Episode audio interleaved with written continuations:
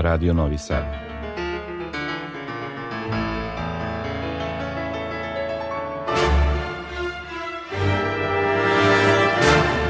Domaća muzička scena.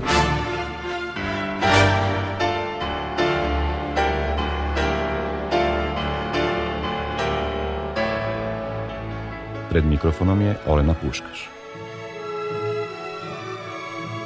Dobro večer, želim vam iz naših studija. Družit ćemo se i ove poslednje srede u godini onako kako smo navikli, dakle sve do ponoći i to uzbiranu umetničku muziku. Četvrta decembarska nedelja uvek je vrlo uzbudljiva jer svi nastoje da završe započete poslove, sve nabave i pripreme za najluđu noć. A kad padne veče, za zagrevanje raspoloženja organizatori nude razne programe, među kojima ima dosta onih specijalnih novogodišnjih. Tako recimo, Subotičani sutra u gradskoj većnici mogu da uživaju u gala programu Subotičke filharmonije sa solistima Višnjom Radosav i Belom Mavrakom pod dirigentom dirigenskom palicom Mikice Jevtića. A pre nekih 30 minuta u Srpskom narodnom pozorištu je završen tradicionalni novogodišnji koncert Vojvođanskog simfonijskog orkestra koji je ove godine nosio naziv Zimski snovi, prema naslovu prve simfonije Čajkovskog koja je bila na programu. Dodatno uzbuđenje donelo je i učešće čelističke svetske megazvezde Miše Majskog, koji je, pored rokoko variacija Čajkovskog, izveo i nekoliko kraćih komada, između ostalog i ovaj nokturno, kojim sada otvaramo emisiju.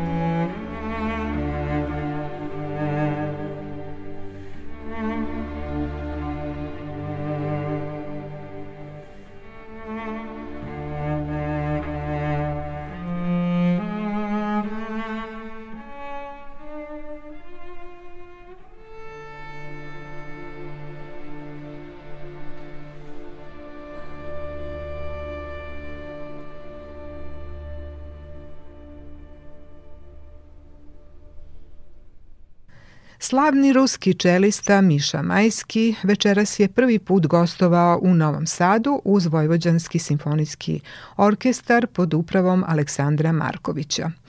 U tu čast večeras smo otvorili emisiju njegovom interpretacijom Nokturna Čajkovskog. A sada u emisiji Domaća muzička scena izdvajamo nešto što je protekle sedmice u božićno-novogodišnjem ciklusu muzičke omladine Novog Sada privuklo našu pažnju. Naslov je bio Simfonijski udvoje, a izvođači su bili Lidija Bizjak i Mihajlo Zurković, pijanistički i bračni par koji je svoje četiri ruke i spretne prste ukrstio sa ambicioznom idejom da klavirskim zvukom dočara zvuk simfonijskog orkestra.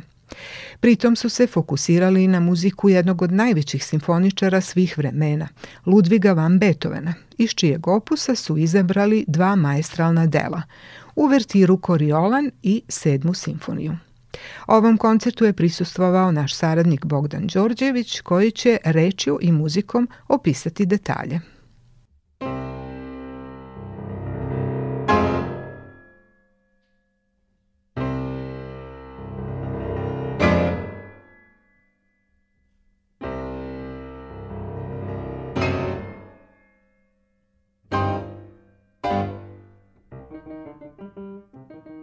Na izmaku ove kalendarske godine, novosadska publika koja je ispunila galeriju Matice Srpske do poslednjeg mesta, prisustvovala je prvorazrednom kulturnom događaju. U koncertnom prostoru, koji je dodatno ulepšan trenutnom postavkom slika Uroša Predića, Posetioci su imali priliku da slušaju nekadašnje vanserijske pijanističke mlade talente, a danas zrele umetnike sa već ostvarenim visokim izvođačkim dometima i impozantnom međunarodnom karijerom – Predanim muziciranjem, ovaj klavirski duo, ljubiteljima klasične muzike, prezentovao je brojne izvođačke kvalitete kao što su vrhunska klavirska tehnika, tonska izbalansiranost, metrička i ritmička ujednačenost, prelepo dinamičko nijansiranje i celokupna scenska izražajnost. Evidentno je da su izvođači sadržene elemente shvatili u potpunosti. Složenu partituru za klavir četvororučno u potpunosti su tumačili sa razumevanjem, kao da su se de facto nalazili na poziciji dirigenta simfonijskog orkestra. Logičnim uobličavanjem zahtevnog i opsežnog notnog teksta, nadahnutu i energičnu interpretaciju, posebno su krasili briljantni pasažni pokreti u gornjem registru i stabilan bas.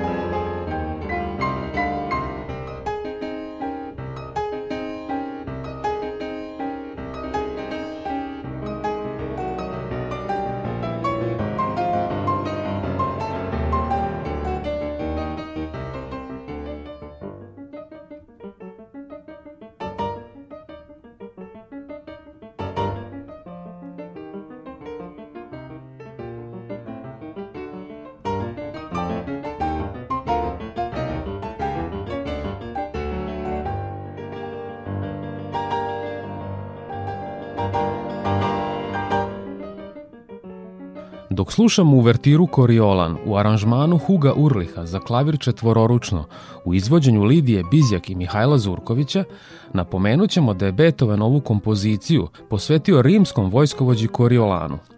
Zanimljivo je da je ova istorijska ličnost još mnogo ranije inspirisala i Šekspira da napiše tragediju istog naslova, Reč je dakle o muzici koja sadrži određen program, odnosno priču, pa je na pitanje koliko ta priča pomaže u kreiranju interpretacije, Lidija Bizjak odgovorila. Programska muzika uvek ima neki, neki poseban šarm, ali e, moram da priznam da što sam starija, e, svu tu programsku muziku malo manje tretiram kao programsku, nego je više gledam kao muziku koju je neko komponovao sa, naročito Beethoven, naravno, naravno sa nekim vrlo jasnim, uh, racionalnim, kako da kažem, uh, sredstvima. Tako da nismo se, nismo se dosta bavili uh, programom, više, više smo se zaista bavili kako da to ne zvuči, pošto u, u Koriolanu, za razliku od sedme simfonije, iako je isti čovek, znači Hugo Urlich je napravio transkripciju, mnogo je manje gust i, uh, i nismo svirali na istim mestima, promenili smo se, ja sam bila u diskantu kad smo svirali Koriolana, pardon, a, a, a posle sam bila u basu. Um, pokušavali smo da ne zvuči uh, grubo, da ne zvuči, pošto stvarno e, imate duge note, na primjer, imate puno dugih nota i to je sad posebna e, stvar kako ćete vi na klaviru gde, gde je recimo cela nota vezana za celo, znači traja osam četvrtina, kako ćete je, e, kako ćete napraviti kršendo koji vi teoretski ne možete da napravite, onda smo mi još to malo transkribovali pa smo u jednom samom momentu na kraju te duge note dodali tremolo i šta ja znam, da bi nekako napravili taj, taj kršendo, uh, ali moram da priznam da se nismo bavili mnogo i ja se stvarno u stvari ne bavim, iako sviram vrlo često programsku muziku, baš sa mojom sestrom, jer sviramo taj klavirski duo i onda se desi da sviramo, evo sad ćemo da svirati Noć na golom brodu, sad možda ćemo se tu malo više baviti ovaj programa, ali nije mi to neka neka, neka velika inspiracija. Mora. Više mi je muzika kao muzika, kao struktura, kao forma, kao rad na zvuku, jer ako radite transkripcije i tako dalje, nego sad pričanje neke priče. Mislim, ona se priča, naravno, ali mislim da se priča čak i da ne znate priču.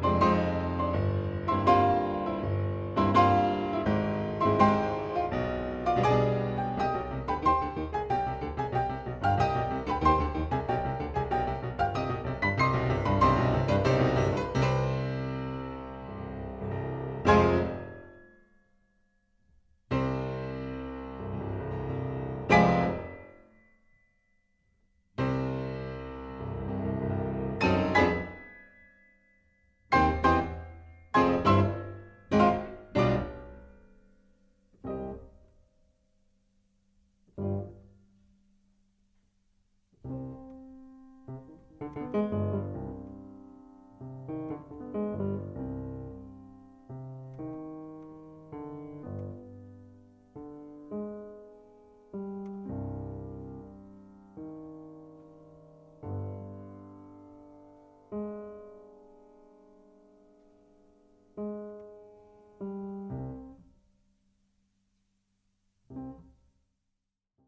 Kao uvod u razgovor sa pijaniskinjom Lidijom Bizjak, koji smo nakon koncerta zabeležili, navešćemo da je ona na Parijskom konzervatorijumu diplomirala i završila postdiplomske studije iz klavira u klasi profesora Žaka Ruvijeja, a potom i studije iz kamerne muzike kod profesora Morisa Burga, kao i na Fakultetu muzičke umetnosti u Beogradu u klasi profesora Aleksandra Šandorova. Dobitnica je brojnih prvih nagrada na takmičenjima u zemlji i inostranstvu. Nastupala je u prestižnim koncertnim salama, kao što su Carnegie Hall u Njujorku, Wigmore Hall u Londonu, Musikverein u Beču. Učestvovala je na brojnim festivalima širom Evrope, kao i u Sjedinjenim američkim državama. Kao solistkinja svirala je sa značajnim simfonijskim orkestrima, a kao kamerni muzičar i u okviru klavirskog dua sa svojom sestrom Sanjom Bizjak, postigla je zapažene rezultate na takmičenjima i kroz objavljena diskografska izdanja. Paralelno se bavi i pedagoškim radom na dva francuska konzervatorijuma. U narednim minutima čućemo zabeleženi intervju sa našom sagovornicom Lidijom Bizjak. Koliko su za vas značajne transkripcije Huga Urliha za klavir četvororučno, da biste simfonijski udvoje ovako uspešno interpretirali Beethovenova orkestarska dela? Pa, za mene lično dosta značajno, jer ja ovaj, e, pored sa Mihajlom, e, stvarno aktivno već 20 godina sviram klavirski duo sa mojom sestrom i u početku moram da priznam kad smo krenule uopšte da sviramo, e, nismo ni znali koliki je to repertoar i naročito nismo ni poznavale transkripcije, o, ok, neke, samo neke, ali nismo znali koliko je to u stvari bogatstvo, jer zaista možete da kažete da sve na svetu što postoji je transkribovano za, za klavir četvororučno, bukvalno sve. Opere, simfonije, kvarteti, sve, sve, sve. Ovaj, tako da u stvari taj report, repertoar nema granice, e, a s druge strane je izuzetno interesantan za pijaniste e, što se tiče rada na zvuku. Zato što vi u stvari na jednom klaviru, e, osim toga što imate četiri ruke, vi u stvari razmišljate na, na orkestarski način. Jer uh, bez obzira što je naravno nemoguće zameniti sve te instrumente, sve te boje i tako dalje, ali vi transformišete ipak zvuk klavira koji može da bude tako malo uh, siv, da kažemo ponekad, e, vi ga transformišete u jedno ogromno bogatstvo i, na primjer, rad na pedalu je posebno interesantan, jer vi ga ne stavljate onako kako bi ga stavljali, ne znam, da svirate Chopina, Skercu ili nemam pojma. Nije uopšte isti princip, e, pedali su duži, drugačiji su prosto, nije, nije stvar mislim da su drugačiji, ali su drugačiji, jer mislite prosto, uho vam traži uh, orkestarski zvuk i onda, naročno, ako svirate, evo, mi smo večera svirali stvarno velika dela, znači da ima puno ljudi na sceni, inače, u Vertiru, znači Beethoven i sedmu simfoniju, uh, tako da, eto, meni je to sad strašno interesantno, jer klavir dobija potpuno neki, neku novu zvučnu dimenziju.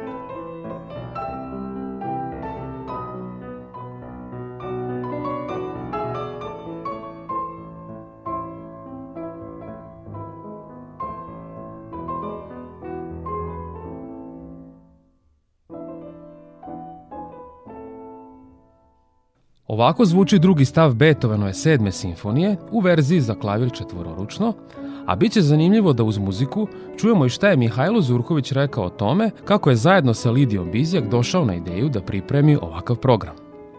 Ideja se rodila za vreme pandemije, e,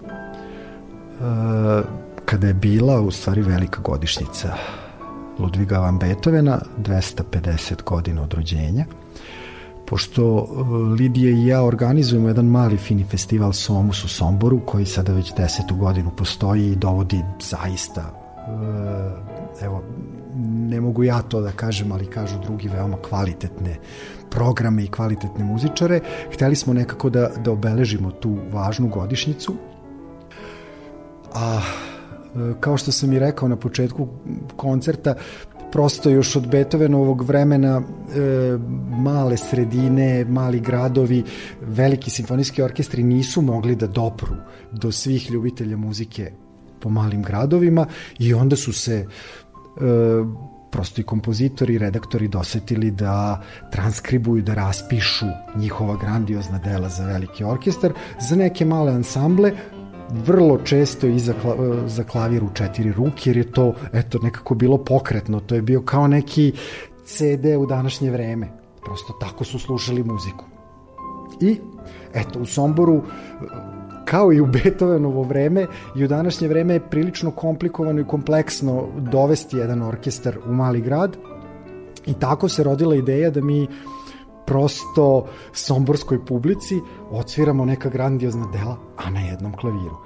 I onda se desila pandemija, naravno, i festival te godine prosto nije ni, ni realizovan, ali eto, e, dočekali smo svojih pet minuta i e, jako mi je drago i za mene je ovo jedno potpuno novo iskustvo i, nekako onako ozbiljno ozbiljna škola, mnogo toga mi se čini da sam naučio iz saradnje sa nekim za klavirom četvororučno, ali naročito svirajući simfonijska dela.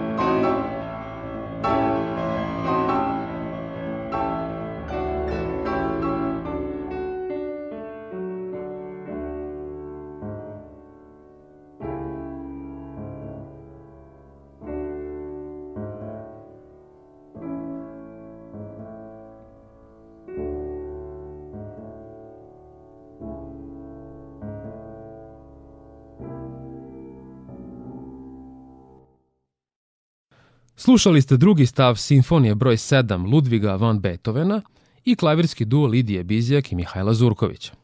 Kao poseban i vrlo interesantan deo programa ovog koncerta bilo je izvođenje bagatela za solo klavir kompozitorke Aleksandre Vrebalov u izvođenju Mihajla Zurkovića, koji je publici prikazao i specifičan rafinman za kompozicije savremene muzike. Sposobnost melodijskog uobličavanja podstakla je raznovrsne emocionalne iskaze u okviru ove interpretacije i ostvarani sklad između karakterističnog pijanističkog govora tela i sadržaja onog što smo čuli. Profesor Kuvrebalov sa katedre za kompoziciju Akademije umetnosti u Novom Sadu nije potrebno dodatno predstavljati našoj publici nakon uspešne postavke opere Mileva na sceni Srpskog narodnog pozorišta 2011. godine i uz sve ostale njene ostvarene reference, pre svega u inostranstvu, i premijerna izvođenja kompozicije na prestižnim festivalima. Iz vašeg opusa imali smo priliku da čujemo bagatele za solo klavir. Da li su one svoje vrstni omaž Beethovenovim bagatelama iz nekoliko njegovih opusa, a imali smo priliku da slušamo i njegova simfonijska dela za četvororučno, odnosno za klavirski duo Lidije Bizek i Mihajla Zurkovića da ove moje dve bagatele su napisane kao omaž Beethovenu pre 15 godina. Napisane su za festival Beethovena u Njujorku koji je bio na Menes konzervatorijumu. I e, tada sam e, uz Beethovenove bagatele opus 125, on ima dva seta bagatela, 119 i 125, ja sam odebrala dve njegove i uparila sam ih sa dve moje. Tako da su e, moje dve bagatele na neki način kao spoljašnji okvir, a unutar njih se pojavljuju i doslovno odsvirane od početka do kraja i dve Beethovenove bagatele. Koliko ste zadovoljni interpretacijom Mihajla Zurkovića i uopšte možete li nešto reći više o saradnji sa njim kao vašim somborcem? Mihajlo i ja smo sarađivali ranije. On je do sada svirao dve moje kompozicije, osim Bagatela. Svirao je Indigo kodove i to sam ga čula uživo i u Somboru i u Novom Sadu pre par godina i svirao je tango koji sam za njega i taj kvartet aranžirala iz mog baleta Udovičina metla. A ovo izvođenje bagatela mi je posebno drago, prvo zato što e, nisam čula bagatele uživo da neko izvodi mnogo godina, tako da je ovaj sad susret sa bagatelama posle 15, 10, u stvari više od 10 godina, i sa Mihajlom koji je samoinicijativno rešio da ih uklopi u ovaj predivni program Beethovenov. E, to mi, je, to mi je stvarno mnogo značilo, a pogotovo mi je mnogo značilo što je to njegovo e, sviranje bagatela koje sam napisala u kontekstu Beethovena, on ih je e, stilski na neki svoj način obradio, tako da su one za mene u stvari sasvim organski zvučale kao deo ovog programa.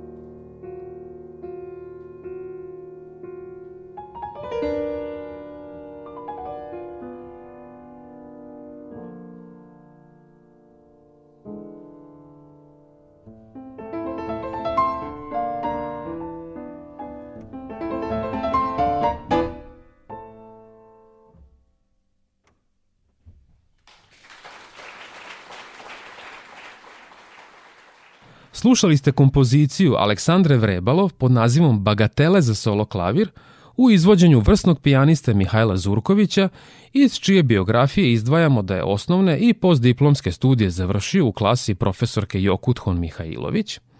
Dobitnik je prvih nagrada na nacionalnim i internacionalnim takmičenjima – a do sada je održao preko 400 koncerata kao solista, zatim kao kamerni muzičar i solista sa orkestrom u Kini, Japanu, Sjedinjenim američkim državama, Francuskoj, Italiji, Španiji, Belgiji, Rusiji i ostalim zemljama Evrope i našeg regiona.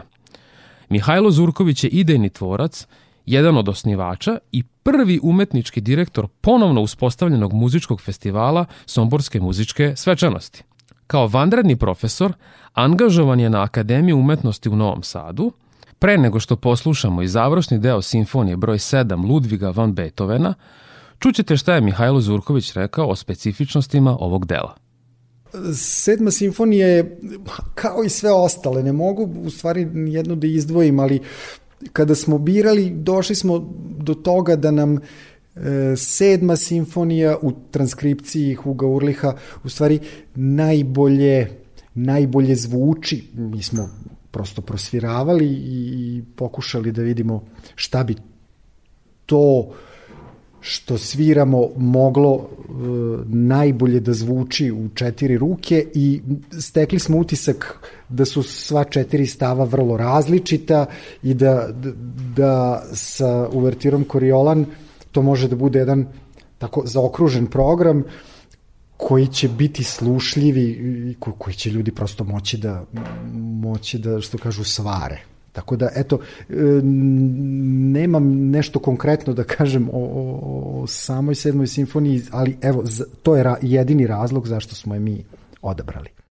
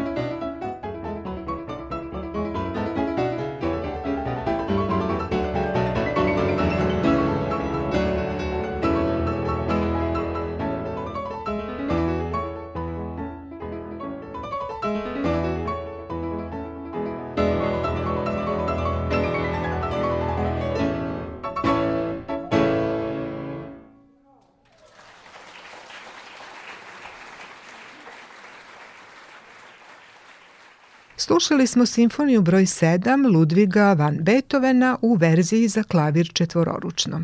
Izvođenje su ostvarili Mihajlo Zurković i Lidija Bizjak, a snima koji smo emitovali napravila je terensko-tonska ekipa Radio Novog Sada 21. decembra u galeriji Matice Srpske.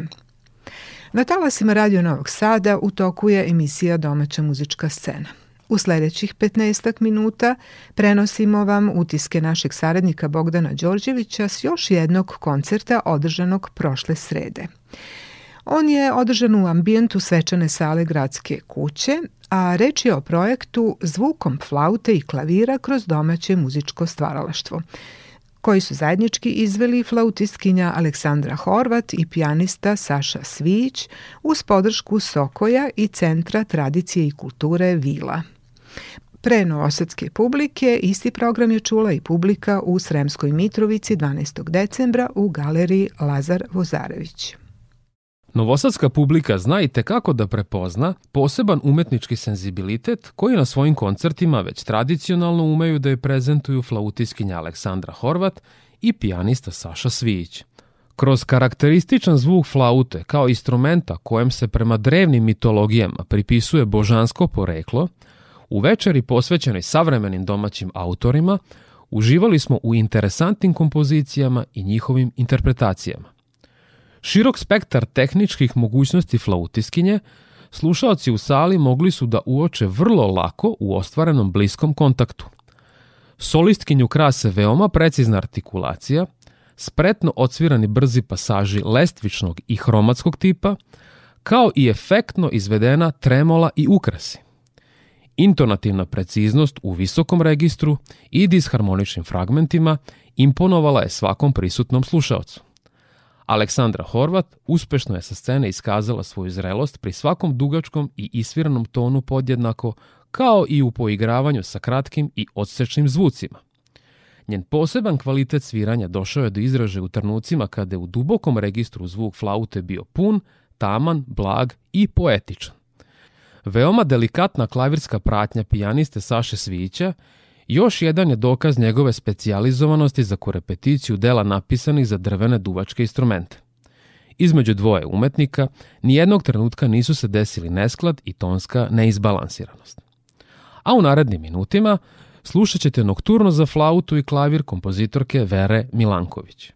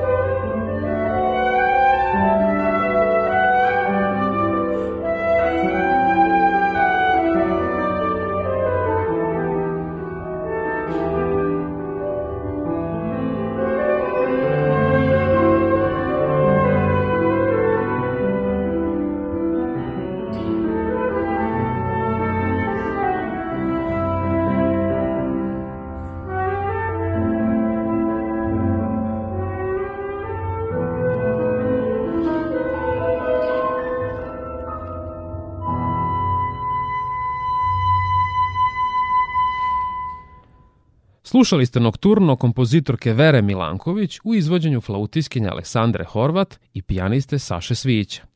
Karakteristične impresionističke boje i nijanse preovladavale su kroz ovu minijaturu koja je izvedena na samom početku koncerta. A iz biografije solistkinje ovog veoma uspešnog nastupa izdvojit ćemo da je Aleksandra Horvat nižu i srednju muzičku školu završila u rodnom Zrenjaninu, a studije flaute na Akademiji umetnosti u Novom Sadu u klasi nedavno preminulog profesora Marijana Egića. Usavršavala se kod eminentnih pedagoga na majstorskim kursevima u zemlji i inostranstvu, od kojih ćemo izdvojiti renomiranu flautiskinju internacionalne karijere Irenu Grafenauer iz Slovenije. Kao uspešan profesor flaute muzičke škole Isidor Bajić, više puta je bila nagrađena kao najbolji pedagog na međunarodnom festivalu Lady Wind u Pančevu, na internacionalnom muzičkom festivalu Femus u Subotici i na međunarodnim susretima flautista Tahir Kulenović u Valjevu. U narednim minutima čućete deo razgovora sa profesorkom Aleksandrom Horvat, zabeležen nakon koncerta. Poštovana profesorice Horvat, a možete li nam reći koliko je dragoceno za vas kada se na programu vašeg solističkog koncerta nalaze dela savremenih domaćih autora? Prvo, dobar dan i hvala na pozivu. Uh, sinoćni koncert u gradskoj kući uh, mog kolege pijaniste Saše Svijića i mene uh, je upravo dokaz uh, da takve stvari imaju smisla. Ne samo da imaju smisla, nego mislim da je svakom našem uh, srpskom izvođaču zaista misija da svira dela naših kompozitora, pogotovo ako imate tu čast i privilegiju da su oni savremenici, znači da su živi, da su među nama i mogu vam reći što se tiče tog procesa pripremanja celog uh, koncerta, da je bilo um, jako interesantno, znači od prvog momenta pripreme, pravljenja programa, kontaktiranja svakog od njih posebno, na koji način uh, smo uspostavili prvo kontakt, neke, sam, neke smo poznavali, neke i ne. Um, svi su naravno uh, istog stava da je njima u stvari izuzetno drago da neko izvede njihova dela i da njihova dela u stvari samo tako i na taj način žive. A, ceo taj proces posle, ka, kako su nastala dela, koje su to bile njihove životne faze, onda e, e, prve neke probe koje smo mi njima slali na slušanje i korekciju su bile jako zabavne i inspirativne i um, dali su nam motiv da to onako usavršavamo svaki put sve, sve više i više. Tako da dragoceno je u svakom smislu.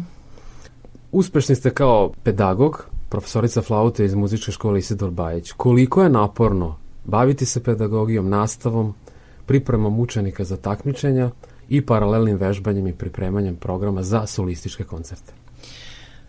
Prvo hvala na komplimentima, ako je tako. Znate kako, ja mislim da je to izbor.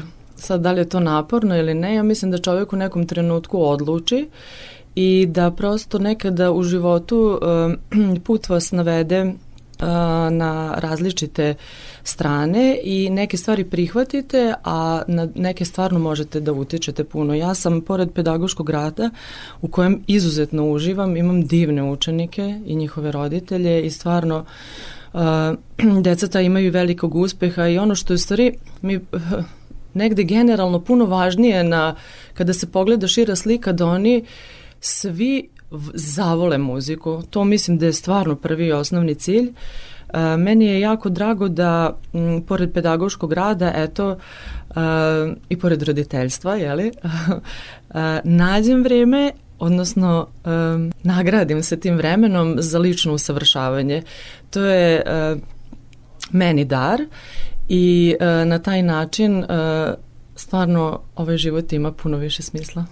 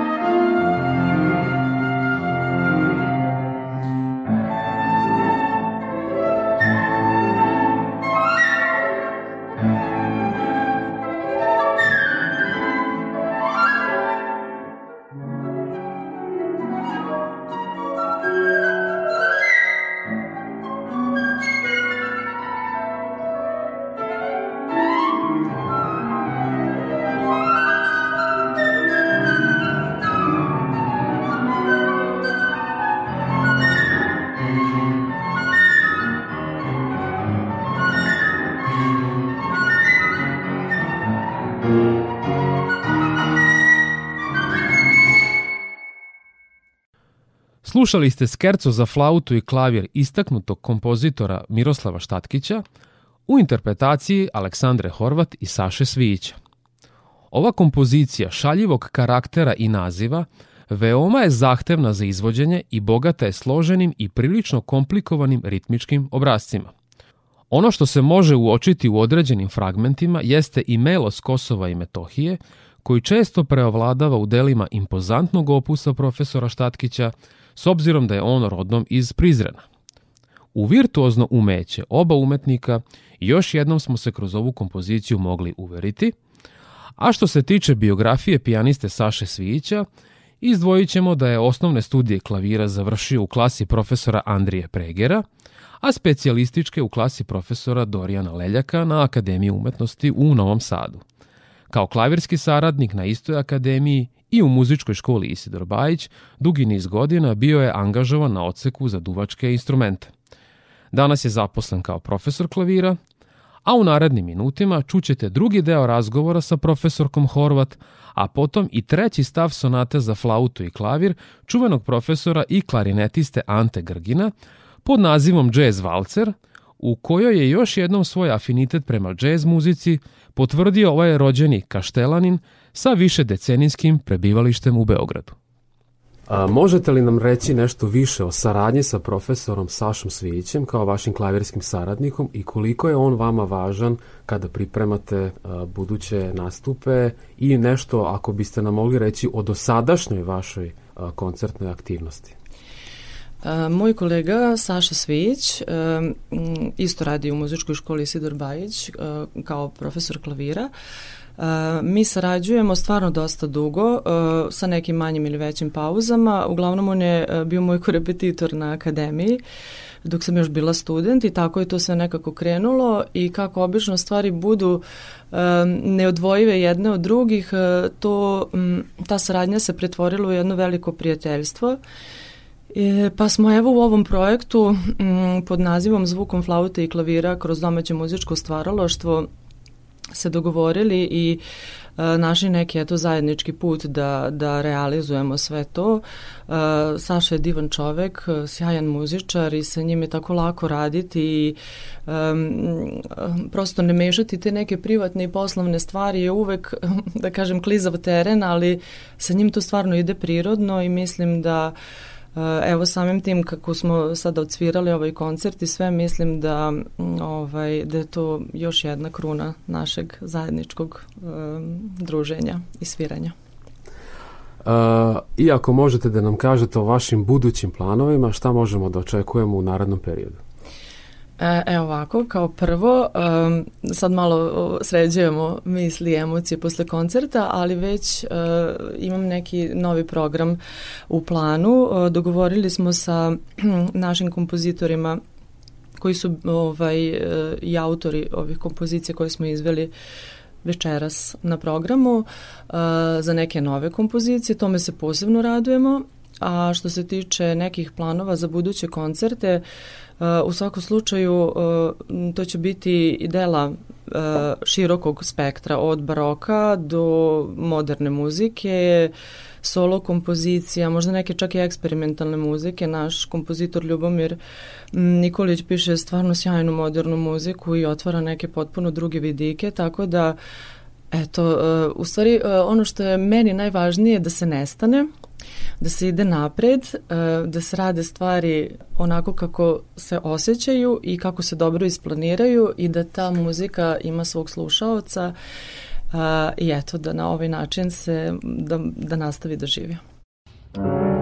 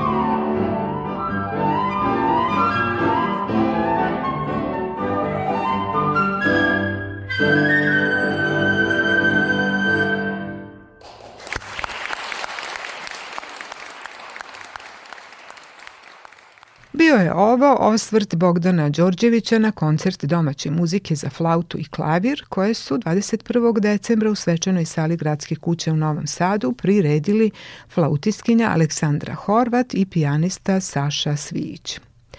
U vremenu koje nam je preostalo do ponoći slušat ćemo jednu interpretaciju koju je 2022 na otvaranju festivala Eufonija izveo Vojvođanski simfonijski orkestar pod upravom dirigenta Bojana Suđića.